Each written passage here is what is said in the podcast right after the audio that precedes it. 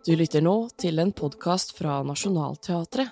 Denne gangen i form av en litterær salongsamtale om Ibsen og Strindberg, to dødsdansende erkefiender. Hvordan behandler Ibsen og Strindberg sine parforhold? Og hvilke ideer i samfunnet var med på å prege kunstnerskapene deres? Salongsamtalen fant sted i forbindelse med forestillingene Jon Gabriel Borkmann, skrevet av Henrik Ibsen, og Dødsdansen, skrevet av August Strindberg. Du møter psykolog Sissel Gran, regissør Marit Moe Maune og førsteamanuensis ved Senter for Ibsen-studier ved Universitetet i Oslo, Giuliano D'Amico. Samtalen ledes av litteraturviter Kaja Skjerven Målerin. God fornøyelse. Yes, har vi lyd her? Det har vi. En klassiker er en bok folk, som folk roser, men aldri leser, sa den amerikanske forfatteren Mark Twain en gang. Men i dag skal vi snakke om to klassikere jeg vil tro mange har slumpet til å lese. Det skal handle om Henrik Ibsens Jon Gabriel Borkmann, som kom i 1896, og August Strindbergs Dødsdansen, som kom i 1901. To stykker som altså ble utgitt med fem års mellomrom ved overgangen mellom det 19. og 20. århundre. Handlingen i Johan Gabriel Borkmann eh, er lagt til en gammel familiegård et stykke utenfor hovedstaden, som den gang het Kristiania. I dødsdansen befinner vi oss, eller altså karakterene, seg i et gammelt eh, festningstårn på en øy med utsikt over havet. I høst så blir begge disse stykkene satt opp på Nationaltheatret. Jon Gabriel Borkmann hadde premiere på hovedscenen 9.9. og er regissert av tyske Lucia Bieler. Dødsdansen har premiere på Torshov-teatret 15.10. med Marit Moum Aune som regissør. Og i panelet her sitter nettopp Marit Moum Aune her sitter også psykolog og forfatter Sissel Gran og Giuliano D'Amico, førsteamanuensis ved Senter for Ibsen-studier på Universitetet i Oslo. Jeg heter Kaja Malerin og skal lede denne samtalen. Prøve, i hvert fall. Eh, vi befinner oss i publikumsfoajeen på Nationaltheatret, og det blir gjort opptak av denne samtalen til podkasten Teaterprogrammet. Så var vi så langt. Eh, Giuliano, eh, jeg har lyst til å starte med å spørre deg Kan du fortelle litt om den historiske konteksten disse stykkene blir skrevet i? Altså, de kommer relativt tett av to veldig produktive dramatikere. Hva er den historiske, sosiale, politiske bakgrunnen her? Jeg trenger ikke å trekke opp alt også, men Ja, hei alle, først og fremst. Um, ja, dette er jo ganske omfattende spørsmål. Skal prøve å svare kort, da, men uh, vi kan jo starte fra perioden. Som du sier, så årene disse stykkene ble skrevet i, altså 1896 og 1900. Vi er jo da i en ganske interessant periode i begge forfatterskapene. Altså, vi er jo mot slutten av Ibsens forfatterskap. Jon Gabriel Borkmann er jo Ibsens uh, nest siste drama før vi døde våkner. Og uh, Strindberg befinner seg i en interessant periode også. Nettopp uh, gitt ut en veldig spesiell roman, delvis selvbiografisk, som het 'Inferno'. Eh, som handlet om eh, perioden hans i Paris. Dette var jo 1897. Og så eh, kom han til å skrive ganske mye interessant teater, altså dramatikk etter eh, dødsdansen. Altså kammerspillene og så videre. Et drømspill noen år senere.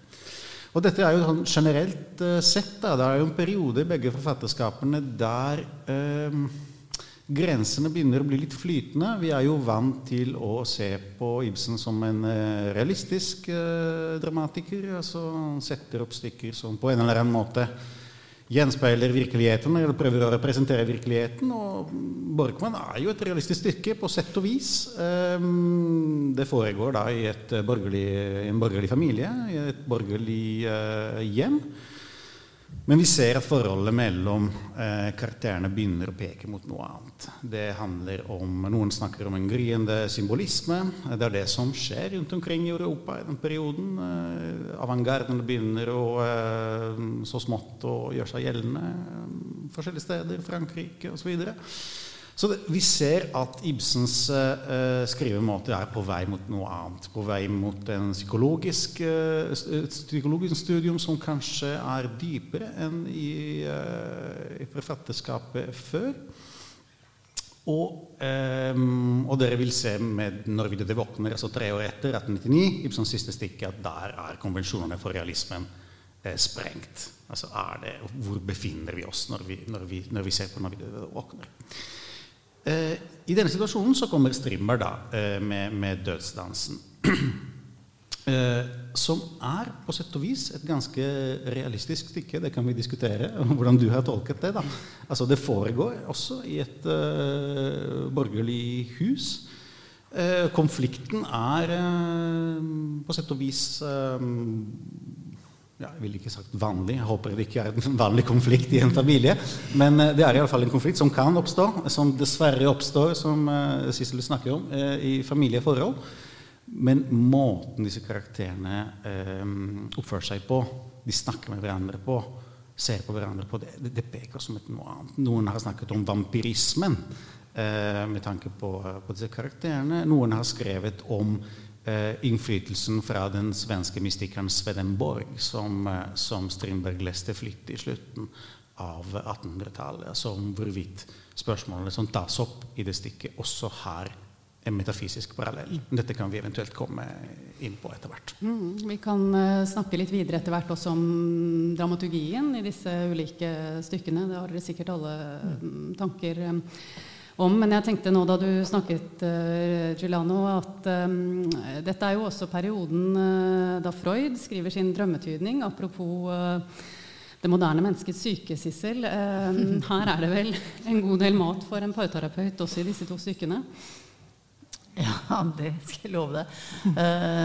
det, det, jeg, ofte, jeg, bruker jo ofte det begrepet når jeg snakker om, eller prøver å beskrive hvordan par på en måte arbeider seg inn i sånne forferdelige grunnscener som, som det er snakk om i begge disse stykkene her, særlig i, i dødsdansen, for der får vi se det hele tiden og høre det hele tiden. Hvordan de oppdrar hverandre til hardhet, hvordan de stikker hverandre med kniv, altså hvordan de har utviklet et giftig ekteskap. Um, og dette har jeg sett da, på nært hold i virkelig liv veldig mange ganger. Og, det er realisme, med andre ord? Ja, jeg kan til og med nesten sånn eh, liste opp for meg selv, da, i ytterste taushetsplikt selvfølgelig, hvilke ti par i løpet av de siste 30 år som egentlig har gitt meg nesten eh, mindre lyst til å arbeide med par. Liksom, fordi det er så giftig at du som terapeut også blir litt smittet av det. Akkurat som Kurt i stykket 'Dødsdansen'. Så jeg har kalt det den grunnscenen som mange par jobber seg inn i, i, i mer eller mindre ondartet grad, for en Strindbergs dødsdans, rett og slett. Så jeg kaller det det i, i bøker jeg har skrevet. Og, i, og, det, og, folk skjønner med en gang hva vi mener da. Ikke sant? Og det er en sånn helvetesmaskin på en måte som eh, Og hvor folk er fanget. Det paret er fanget i, i denne i denne grunnscenen, rundløypa, mønsteret, dansen altså Kjært barn har mange navn. Og det, de kommer ikke løs. Og det, sånn er det i, sånn er det i dødsdansen. Sånn er det også i John Gabriel Borkmann. Mens der har du da Borkmann i andre etasje, fruen i første etasje. Men det er helt, heller ikke helt uvanlig i det virkelige liv. At, eh, at, folk ikke har noe kontakt. Altså, ikke nødvendigvis sånn at de bor i hver sin etasje, men at de lever parallelle liv. Så det, så, det, er høyst aktuell problematikk, tenker jeg. Altså. Så eh, det er jo festlig. Festlig, ja. Og bare for å ha tatt eh, det også mens vi snakker om dette dødsdansmotivet altså Selve det motivet blir vel også uttalt eksplisitt i Jon Gabriel Borkmann, blir det ikke det? Jo, det gjør det. Det er rett og slett Det er helt likt, ikke sant? Fordi sønnen Erhard, stakkars han, kommer hjem da, til dette forferdelige hjemmet med far i andre etasje og mor i første etasje.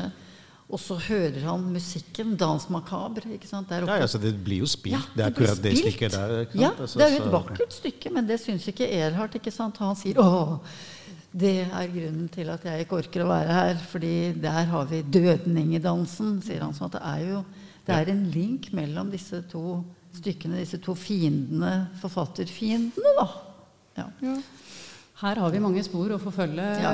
utover, men uh, Marit, du sitter eh, til knes og, vel så det i dødsdansen eh, for tiden. Du var så vidt vi fikk rykket deg ut av eh, innspurten. Ja, altså Vil du fortelle litt? Virkelig, altså, Scenemesteren min sitter på første rad her. Han spurte meg i dag skal du sitte og pra prate om det her i dag.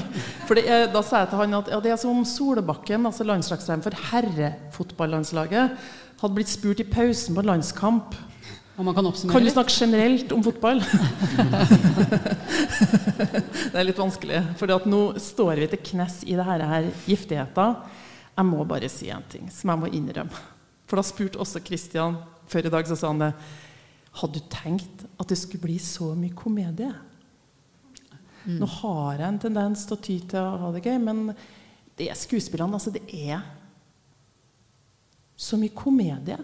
Komedien, hva har komedien i seg? Jo, at vi kjenner oss igjen. Det blir ingen komedie uten gjenkjennelse. Så enkelt er det. Og, og det som man skal passe på Altså, Jeg er Solbakken. Jeg er midt, oppi, midt i kampen, så jeg skal si hvor strategien er nå. da, kan jeg si. Det er jo det at noen ganger jeg har sett et stykket mange ganger, så er det en sånn evig lang krangel som liksom går ganske sånn. For det kan kanskje du og Sissel, jeg vet ikke hva du sier om det. Sånne par kan være ganske underholdende det første kvarteret. Det kan være ganske Underholdende det første kvarteret, men så er det bare utmattende. Så litt av det vi jobber med nå, er å få opp det vi kaller dynamikk. Altså at det er, en, er det en sårhet her, og er det artig? Underholder de hverandre? Holder de på å flire seg i hjel av å være midt oppi det her? Så, og hvordan har deres tone å Gud, Jeg kunne ha begynt å fortelle om hytteturer jeg har vært sammen med venner som nå er skilt. Som var sånn at vi, vi syntes det var så artig i starten, men til slutt så ble det sagt så grusomme ting over bordet at vi ble litt smitta av det. Eh, Er- og er de har smitta hverandre. Og plutselig kommer noen utafra og sier dere er jo helt tullete. Hva dere driver på med? Så får de helt angst, for de tenker til slutt at det er normalt. De har måttet sende bort ungene sine. De har ødelagt alle vennskapene sine. Og fortsatt insisterer de på at den logikken her funker. Hvorfor det? Jo, fordi en ens viktig forutsetning i stykket Jeg tror de elsker hverandre. Ja, det er sant. Jeg tror de elsker hverandre sånn at de bare tenker Uten mennesket her så blir jeg jo bare en ensom drittsekk. Ja, ja, ja. Det er så Hvis dere skjønner Ja, ja. Jeg snakker ikke av egen erfaring nå. så det vil jeg bare si. Men Men, men dere skjønner, vi altså. er litt i den verden der. Og, og, og for å si det sånn Det som jeg sa, skal jeg på litterær salong Vi er jo ikke, vi er jo ikke akademikere. Vi er jo noen slags erfaringsjunkier som prøver å gjøre det her til noe som ikke har noe egentlig logikk. Og derfor elsker jeg Strindberg. For det er stein ulogiske perioder. Det er kast på kast. Og har noen ganger ikke den bruen som Ibsen kan være så god til å lage. da. Men Marit, jeg Fordi- må, Men kan, kan ikke si jeg få sitere, da? Men bare inn i Ja, det. Sissel, Sissel først. For det er en det er, Fordi han sier Jeg skal nemlig gjøre om forestillinga etter jeg har vært her i dag. Så skal jeg bli inspirert av folkene her, og så skal vi legge om alt i. Kurt spør Alice, eller er det Alice? Alice. Alice. Hun er svensk. Hvorfor kan dere ikke bare skilles? Hvorfor kan dere ikke bare skilles? Så sier hun Si det. Da vi var forlovet, gikk vi fra hverandre to ganger, og etter det har vi prøvd å skille oss hver eneste dag. Men vi er smidd sammen, og vi kan ikke komme løs. En gang var vi skilt her i huset i fem år. Nå er det bare døden som kan skille oss, det vet vi, og derfor venter vi på den som en befrier. Så sier Kurt, stakkars mennesker, vet du hvorfor dere hater hverandre? Så sier hun, nei, det er et fullstendig meningsløst hat, uten grunn, uten hensikt, men også uten ende. Og vet du hvorfor han er så redd for å dø? Han er redd for at jeg skal gifte meg igjen. Da sier Kurt, da elsker han deg. Og hun sier, sannsynligvis, men det forhindrer ham ikke i å hate meg. Så sier Kurt til seg selv, det kalles kjærlighetshatet, og det kommer fra avgrunnen. Det er helt riktig. Og dette har jeg jo sett på kontoret, Marit. Ja, og det er noe med at når du Nå er jeg veldig glad for at akkurat den teksten at vi ikke har strøket den fra stykket. Har ikke For Jeg var også veldig redd for når jeg kom hit, for vi har jo selvfølgelig strøket med i det stykket. For Men det, ikke dette. ikke dette. Nei Nei det For dette er gull. Eh, og det er mm, Noen ganger så er de så på bærtur at de begynner å snakke sant og riktig og klokt. For det er ikke når vi setter oss ned og er klok, at vi sier de klokeste tingene. Det er når vi blir off guard og ikke har kontroll. Da plutselig kan det dette ut livsvisdom. Og det gjør de jo her. Når vi minst venter det, så er de smart. Og når vi forventer det, så er de dum. Hvis dere skjønner. Giuliano, ville du Ja, nei, altså jeg, jeg tenkte bare jeg skulle spille akademikeren som skal, elsker si, noe, som skal si noe til uh, hva, hva kalte du det? Erfar, erfaringsjunkie? Eller, Ja. eller noe sånt. Da. Nei, altså jeg tenker at Egentlig så er du inne på noe helt sentralt som jeg kom på uh, i går faktisk, mens jeg gjennomleste stikkene en gang til. Nemlig at altså det du sier at det blir for mye komedie. Jeg syns ikke det nødvendigvis blir, og grunnen er at Strindberg har en sense of humor som, eh, som Ibsen dessverre eh, ikke eh, eier. Eller iallfall ikke Jon Gabriel Borkmann. Og ikke Jon Gabriel Borkmann hvis du sammenligner det med Dødsdansen. For Hvis du ser på replikkene, hvordan de hakker på hverandre i Jon Gabriel Borkmann, og det gjør de i, i bøtter og spann Det skjer alltid med en slags sånn veldig tung metafysisk tone. Du kan trekke inn Nietzsche, hva dere vil. Hvis du leser Dødsdansen og ser på hvordan de hakker på hverandre, da noen ganger så må de bare le. Ja. Eh, altså Enten så mener de det ikke, eller kanskje jo. Og hvis de mener det, så skjønner de ikke at dette blir latterlig. Eh, og det blir utrolig interessant. Og dette er jo eh, egentlig veldig typisk for Strindberg. Altså, eh, han kunne være giftig, men han hadde alltid et slags, sla- et slags eh, halvt smil der han var giftig. Eh, det er iallfall sånn jeg leser ham, da. Som Ja, akademiker. At han kanskje også hadde litt Det vet jo du mer om at han kanskje rett og slett hele stykket er en eneste stort sjølironi. For du føler jo liksom litt at her er noen som har vært oppi den suppa her, da, på et eller annet vis. Ja, Eh, altså det, Strindberg var jo gift eh, tre ganger. Det er jo, eh, man kan jo undre, undre som, hvorfor gifter du deg gang på gang når du vet at dette, at dette skjer. Ikke sant? Altså det, men, men det må bety at et eller annet sted så hadde han, en, om ikke en tro, iallfall en, en eller annen form for interesse i kjærligheten og i ekteskapet. Eller så ville han latt være, vil jeg tro. Ja. Tre ganger, altså. Det kan du alt om.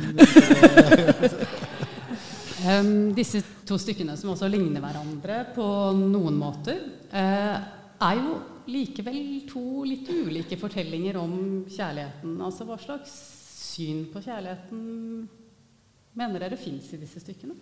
Hvis man kan si noe overordnet om det. Altså I Jon Gabriel Borkmann er det f.eks. en tredjeperson, uh, altså en søster, uh, av fru Borkmann. Det, altså, der er det et kjærlighetssvik som, har- som har rammet mer enn én. Eh, Han har jo tusket bort sin elskede. Og det er jo noe annet, fordi Edgar og Alice i, i Dødsdansen de, de er jo limt til hverandre i en slags eh, hatefull kjærlighet fra de er unge. Mens Borkmann han har jo tusket bort eh, Ella, som han egentlig elsket, for å få banksjefjobben. Og dette eh, går jo som en rød tråd egentlig gjennom stykket. Og det Ella kaller han til slutt, når dette kommer ordentlig for en dag, for en forbryter, en morder. Ikke fordi at han begikk underslag og, og sørget for at massevis av mennesker mistet sparepengene og aksjene sine og verdipapirene sine, men fordi han drepte kjærligheten i henne og i seg selv. Altså, så, han, så hun sier til ham du er en dobbeltmorder. Du har drept både ditt eget og mitt sjelsliv. Veldig, så Ibsen er jo veldig han er jo veldig harmedirrende her. Han er jo litt hellig, da. Altså, og det er jo litt Jeg syns jo det er ganske flott, ja, altså, men jeg syns jo at Strindberg han har jo en morsommere vri da, på sitt syn på kjærlighetens mangefasettert og motsetningsfyllthet. Altså, han skjønner bedre Unnskyld at jeg sier det her altså i Nationaltheatret, men jeg tror han forsto seg litt bedre på at mennesket er på en måte en vandrende motsetning. At vi er en ligning som ikke går opp. At han levde ganske bra med det. Jeg tror det var mm. vanskeligere for Ibsen. Jeg er ikke sikker, Hva, hva sier du, Gran? Ja, nei, jeg som Ibsen-forsker ja. Eh, ja, nå får du svare, Sissel Gran her. Prøve å eh, liksom beskytte Ibsen for ja, ja, sånn, sånn type angrep. Nei da. Men um, Nei, så det, det, jeg tror eh, Jeg prøver å snu eh, det å se på en annen måte. At eh, disse to stykkene så har vi to like, men på sett og vis forskjellige typer konflikter. For i Jon Gabriel Borkmann så har du da disse to kvinnene som uh, har en pågående konflikt om Borkmann. Mens uh, i uh, Dødsdansen så har du ja, to menn, men først og fremst det er jo da en mann og en kvinne som har en uh, grunnleggende konflikt. Og jeg tror det, Da utløser det helt andre typer eh, dynamikker og helt andre typer eh, hva skal man si uh, rett og slett temaer altså for, for, for, konflikten. Jeg er litt usikker på om Strindberg egentlig forsto seg litt bedre på menneskets sammensetning, og sånt, da, men, men, det er klart at, at um, ja, det er jo det er et billig poeng, men, men uh, noen sier at uh, jo, Ibsen uh, avrundet karrieren sin i 1899. Han han var, hva sa du nå? Altså, han avrundet karrieren sin i 1899. Ja. Han var en mann av 1800-tallet. Mm. Strindberg døde jo i 1912 ikke sant, og skrev mm. mye lenger enn Ibsen. Mm. så det er jo, men, men, men, Strindberg var så veldig åpent mot veldig mange andre ting. Så det, det, det, det er jeg, jeg skjønner det er fristende å sammenligne de to, og det gjør vi i kveld, og det har jo sine gode poeng. Eh, men jeg syns at eh, den sammenligningen eh, virker opp til en viss grad. Det er jo to veldig forskjellige forfattere. Ibsen skrev jo nesten bare dramatikk og noen dikt, og Strindberg skrev alt mulig.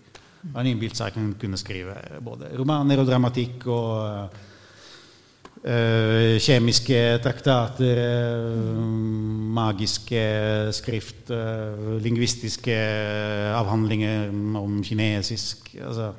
Han var vel ja. mer ustyrlig, tror du ikke det? da? Ja, eller han eide den 'fake it till you make it'-tendensen. som kanskje Ibsen ikke hadde. da. Marit Moe Maune, du har jo også regissert mange Ibsen-stykker. Hvordan har det vært å koble om fra Ibsen til Strindberg nå, ikke minst i møte med kjærligheten? Hmm. Nei, altså, jeg tror vi har noen sånne klisjéfylte forestillinger om både ene forfatteren og andre forfatterne. Jeg tror vi som mennesker er veldig sammensatt, og det tror jeg herrene her var.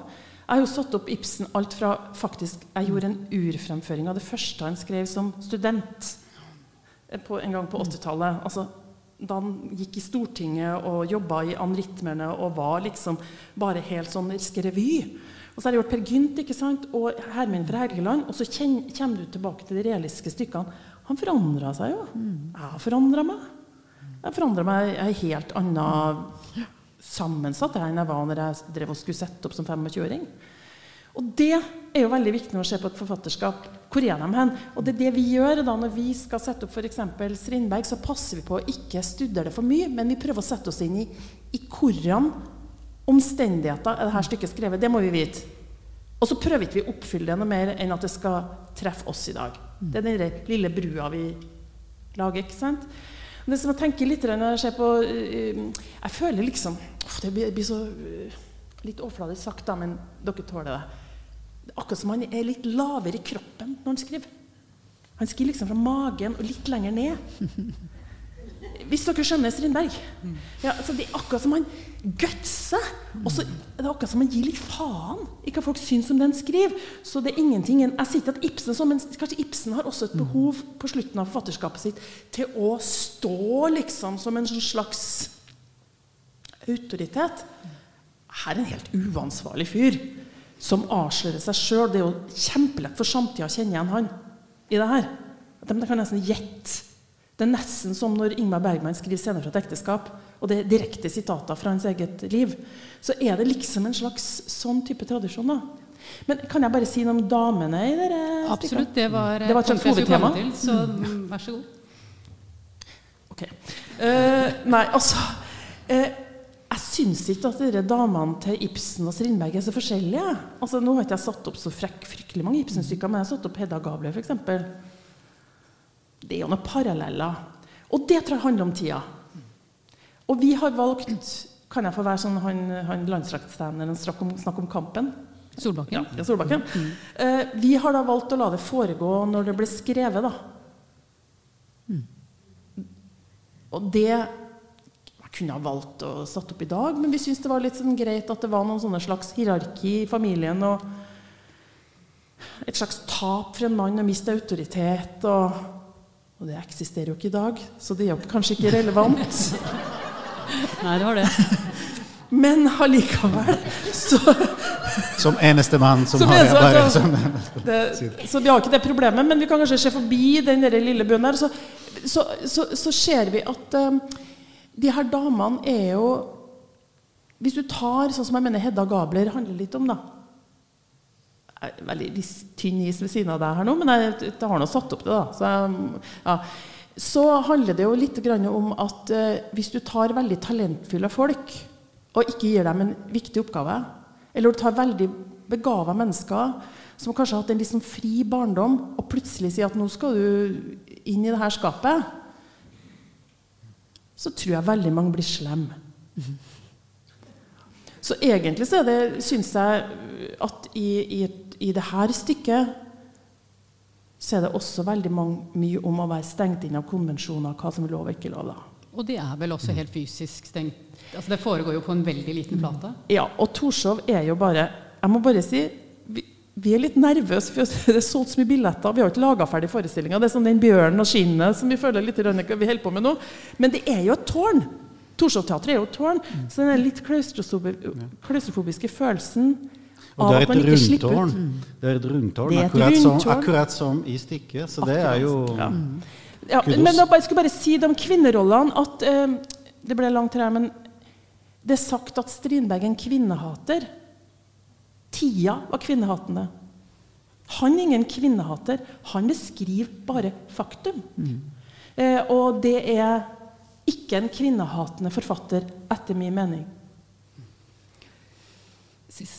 Sissel Gran og Juliana D'Amico, hva tenker dere om eh, Strindberg som kvinnehater? Kvinneskikkelsene i stykket? Jeg syns jo heller ikke det. Altså det som er som, som er noe av det som utløser det ekstremt smertefulle da, i, i begge disse stykkene, og i veldig mange av Ibsens andre stykker, det er jo For ikke å snakke om i et dukkehjem, da, det er jo parforholdstraume. Altså det er der hvor det liksom For du har liksom i et dukkehjem så har du liksom Noras sudden snap, som vi kan kalle det. Altså hvor hun plutselig skjønner at hun har en mann som ikke ser henne, ikke har omsorg for henne, egentlig ikke bryr seg om henne, men bare er opptatt av sin egen ære og alt det der. Og det er jo den tiden, den tiden som du nå snakker om, Marit. Det er klart at da var kvinner eh, De var låst til sin rolle. De var naglet til en veldig passiviserende rolle, og det er klart at det kan du bli slem av. Men dette ser vi også nå, og det er derfor folk eh, dras inn i det, tenker jeg. Altså, derfor det er fortsatt like aktuelt. fordi hvis du virkelig svikter din partner i nødens stund, også i dag altså Hvis du eh, ikke støtter partneren din når det virkelig trengs, eller ikke involverer din partner når det virkelig trengs For det gjør f.eks. ikke John Gabriel Borkmann når alt raser rundt han. Og før det raser, så sier han jo ingenting til kona om hvordan han faktisk har det, og hva som faktisk har skjedd. Og det kommer hun med mot slutten av stykket. Du fortalte aldri meg noen ting. Du var ikke ærlig mot meg. Du løy for meg. Og det å bli løyet for om fundamentale ting, og ikke få lov til å være en støtte da, når det stormer, det er hun også bitter for. Og det er det veldig mange kvinner som er bitre for nå. I vår tid. Ikke sant? Ja. Så, det, så det å så jeg tenker at det, det som trigger eller setter i gang mye av den dynamikken, den smertefulle dynamikken i både Ibsens og Strindbergs dramaer, det er jo at, man, at, man, at det oppleves altså at det er et sår som ikke gror. Det er et dypt sår som aldri blir leget. Og de to partene klarer aldri å reparere det. Og det beskrives formidabelt bra av begge de dramatikerne, syns jeg. Så det er derfor vi elsker begge to. Er det Ja. ikke det, da? Ja, ja, ja. De, de peker på noe for oss som er dypt menneskelig. Ja. Ja, altså jeg synes vi kan også altså, Jeg ser ikke Strindberg som kvinnehater heller. Altså, det, eh, eh, men igjen til altså, sammenligning mellom Ibsen og Strindberg. Jeg tror at dette bunner i en veldig enkel sånn et enkelt syn på hva Ibsen og Strindberg skal mm, kunne representere. Det er klart at Hvis du tenker på et dukkehjem, og så vet du at Strindberg har skrevet 'Giftas', altså der han bl.a. har en slags parodi eller en antidukkehjem-fortelling, eller hvis man legger for mye vekt på hvordan han eh, skildrer en kvinne som prøver å ta livet av mannen sin i Faderen, eller slengbemerkninger om eh, en eller annen kone altså Det er klart at da kommer han ikke ut som en, eh, en, en bra person. Men jeg tror, ikke, det- jeg tror det blir litt villedende. Altså det jeg tror Strindberg er interessert i, og det er også Ibsen, på sett og vis, det er nettopp det de sier. altså skildre, eh, skildre konflikter, kontraster i, altså mellom mennesker, eh, og i en periode som, som du sier, var kvinnehatende. Eh, altså det er jo konflikter som fins eh, i samfunnet, som fins mellom mennesker. Eh, og de beskriver dem på litt forskjellig måte. Og jeg synes at det du sier om eh, Ibsen og Strindberg, at altså Strindberg skrev um, 'With the Guts', ikke sant? og det gjorde kanskje ikke Ibsen. Altså det kan jeg si som forsker. Det er veldig interessant å jobbe med Ibsen og Strindberg, for det har jeg gjort, jeg gjort med, altså med begge, og se hvordan de skriver. Altså På mange måter så er Ibsen ekstremt hva skal man si, eh, polert, altså polished. altså Måten han skriver Han er jo veldig på en måte bra. I noen stykker kan du nesten ikke røre en setning. Eh, men Strimmer er mye mer sånn Ok, jeg skriver sånn med en gang, og hva som helst eh, som står i papiret. Og, og i akademia er det nesten blitt et tabu å, å, å, altså, å, å trekke tråder mellom liv og verk. Men hvis dere leser brevene til Ibsen og Strindberg. Det er utrolig interessant. For Hvis man leser et brev fra Ibsen som sier 'i morgen så betaler jeg deg 100 kroner', så kan du være sikker på at han gjør det dagen etter. Altså Hvis Strindberg skriver 'i morgen så betaler jeg 100 kroner', så kommer han til å kreve de 100 kronene fra en annen person tilbake dagen etter. Altså Det er sånn garantert. Så det er en sånn fundamental måte å tenke tekst på, å tenke virkeligheten på. Ehm, begge to skildrer eh, lignende eh, problemstillinger, eh, lignende saker, men fra helt forskjellige eh, standpunkt og, og med helt forskjellige resultater. Så det er jo bare å glede seg og ja takk, begge deler, vil jeg ha sagt. Jeg har lyst til å spørre dere eh, Dette er jo to stykker om kjærlighetsforhold. Men, men det er jo noen barn eh, i disse stykkene også. Det er også stykker om foreldre og barn og fortapte barn. Har du lyst til å si noe om det?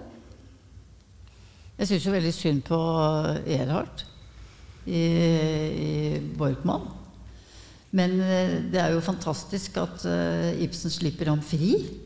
Og lar ham dra av gårde med en yppig skilt eh, kvinne som er syv år eldre.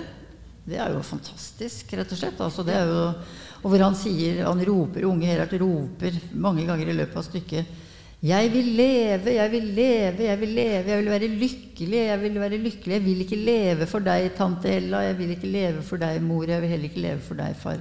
Og så drar han. Det er jo fantastisk. Altså det jo, det jo, handler jo om løsrivelse der. Da. Så vidt jeg forstår, så er det lagt veldig vekt på det denne oppsetningen eh, nå. Men sånn at det parforholdet, altså, som jo eh, jeg syns er minst like interessant. Det kommer litt i bakgrunnen, kanskje. Men eh, ja, altså når foreldre holder på sånn som disse foreldreparene her gjør, så går det alltid utover barna. Ja, det er, for det er, det er å være invitert inn i ja, sånn eh, Det er, som det kalles i, St- i Strindbergs dødsdansen, det lille, altså lille helvete. Altså, lille helvete, ja. mm. Og Kurt, eh, fetteren, når han kommer inn der, roper jo høyt til slutt 'Jeg må jo være i helvete'. For så ille er det. Og det er klart, Ja. for barn Barn flykter jo fra sånne situasjoner så godt de kan. ikke sant? Ja. Og det er vel en datter i mm, Ja, Judith. dødsdansene? Ja. Det, er- det er ganske interessant, fordi at de har en sånn telegraf som de driver og får inn stadig meldinger på, som det viser seg at hun, hun Alice, kona i forholdet, hun kan telegrafere. Men det driver og skjuler for han. Fordi at, eh, så hun vet hele tida hva som tikker inn av meldinger. Og han har jo sine egne gjenfortellinger av hvordan meldinger som kommer inn. Og det kommer veldig mye meldinger fra ungene deres. For de er inne i byen og går på skole. Men de her folkene er jo blakke. Og da må vi sette oss ned som det vi gjør ofte. Vi lager bakhistorier. ikke sant? Vi finner ut hva, hva har vi i teksten her, hva har egentlig skjedd? Og hvor, skal jeg si vår teori? Ja. Ja, det må du gjøre. Det er ikke betalt skolepenger. De er i byen. Og så Hver gang det tikker inn meldinger der, så får de helt angst. For det eneste som er forbundet med ekte angst hos de menneskene, det er vilkårene til de ungene inne i byen, som de har sendt ifra seg for å gå på skole. Og de er blakke. Og det, det der tenker vi er det store dramaet som vi ofte tenker når vi hjelper med teater. Da. Hva er dramaet inni rommet? Men hva er det ytre dramaet som foregår utafor her? Og det er jo herr Judith. Og nå kan, kan ikke jeg sitte her helt, jeg husker ikke altså nå, Kristian scenemesteren han kan jo heller stikke ut nå, så kanskje han kan sitte her. Men, men kan, han sier si om Judith Mor sier om sitt eget barn at hun er akkurat som faren sin. Hun er blitt en skikkelig drittsekk. Hun har slått meg. Så har hun begynt å dikte svære, stygge historier om barnet sitt. Så det jeg mener litt at de her konkurrerer i, det er sjølrettferdighet. Hvis du skal forklare alt du gjør, og du ikke har evnen til å innrømme noen egne feil, som er en forutsetning for at de skal overleve De kan ikke begynne å gjøre feil, for da rakner de i forhold til partneren. Så begynner sjølrettferdigheten å vokse. Og for at du skal kunne være sjølrettferdig nok, så må du begynne å dikte historier om de andre og demonisere dem. Og den ytterste demoniseringa, det er å demonisere dine egne barn. Og det gjør Alice i dødsdansen. Og det er hennes største skam. Tenker jeg. Hva Kan jeg tenker du, til, Kan jeg legge til, til noe om barn? Altså, Um jeg vet ikke hvor mange av dere har sett den oppsetninga som går nå på Nasjonal. ikke sant? Altså at uh, dere vil se Eller jeg, jeg vet ikke hvor mye jeg skal røpe.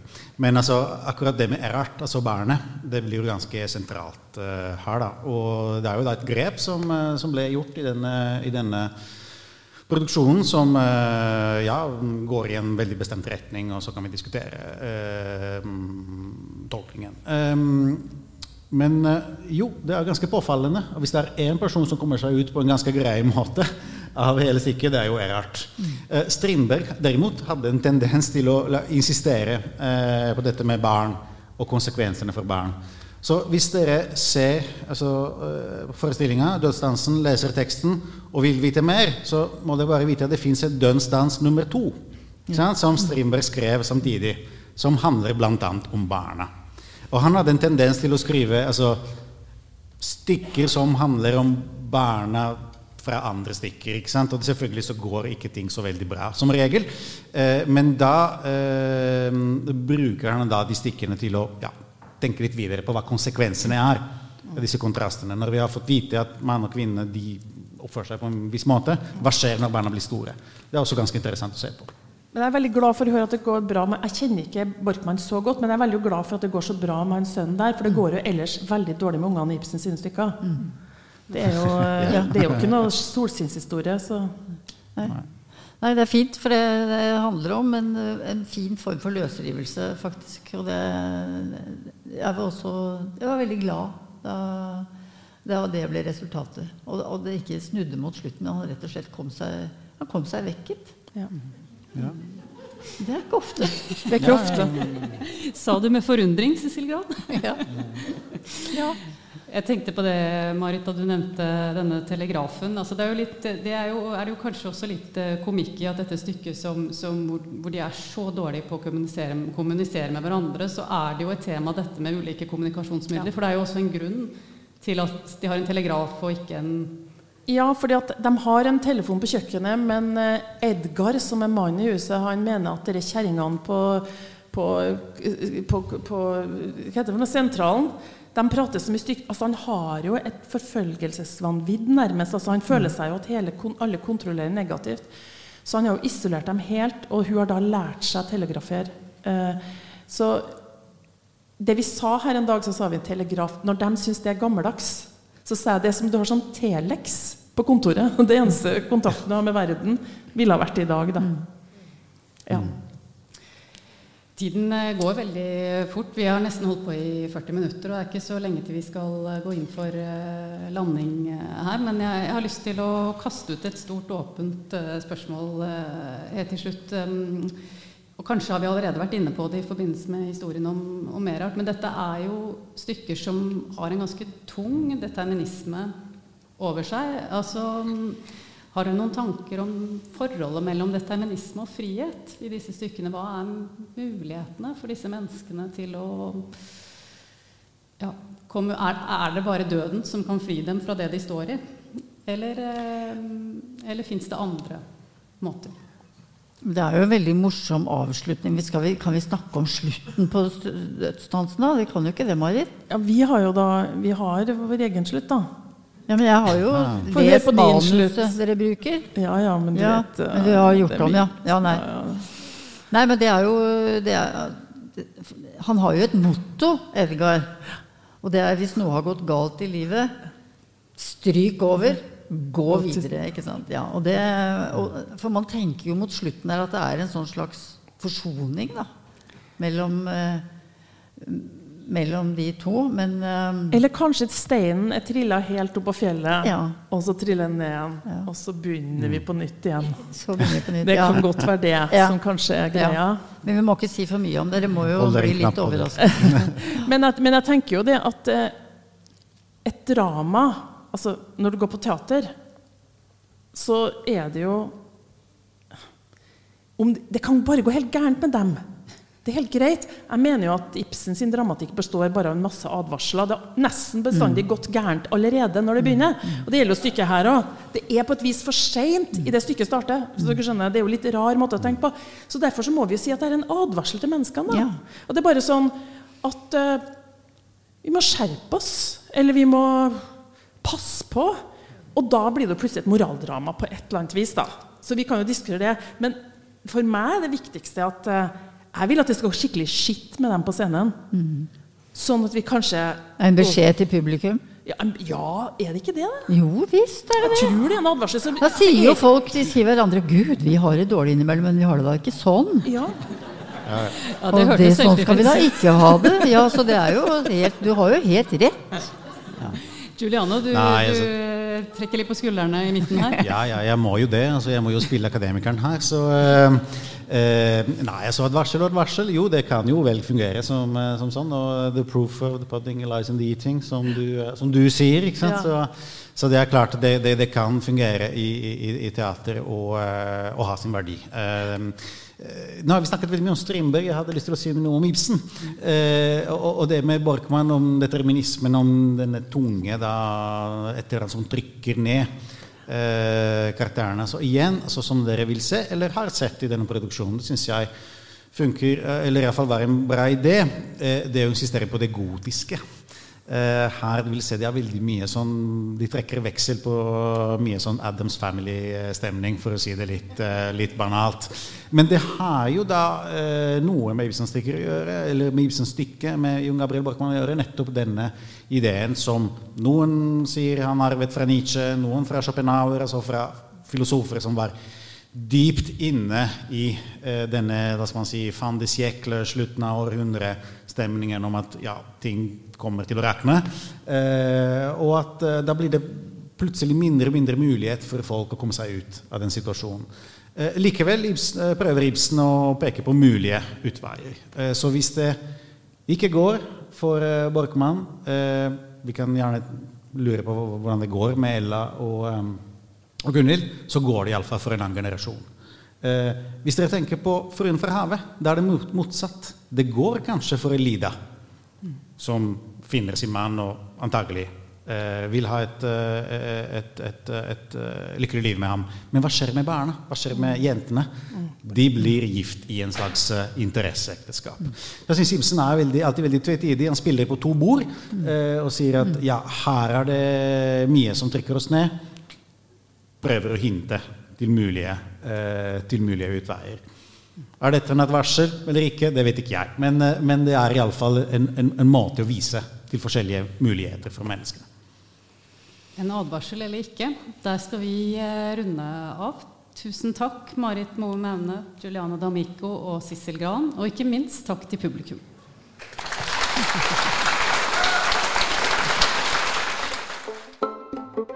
For at du hørte på Nationaltheatrets podkast Teaterprogrammet. og på denne salongsamtalen som ble tatt opp i teatrets publikumsfoajé. Ideen til samtalen var ved Gunhild Aarebrot Kilde, lydtekniker var Olav Erik Johansen, og produsent det var meg, Oda Tømte. Mer informasjon om forestillinger og arrangementer finner du på nasjonalteatret.no. Følg oss også gjerne i sosiale medier for mer innhold produsert på, bak og rundt scenen. Håper vi ses i teatret.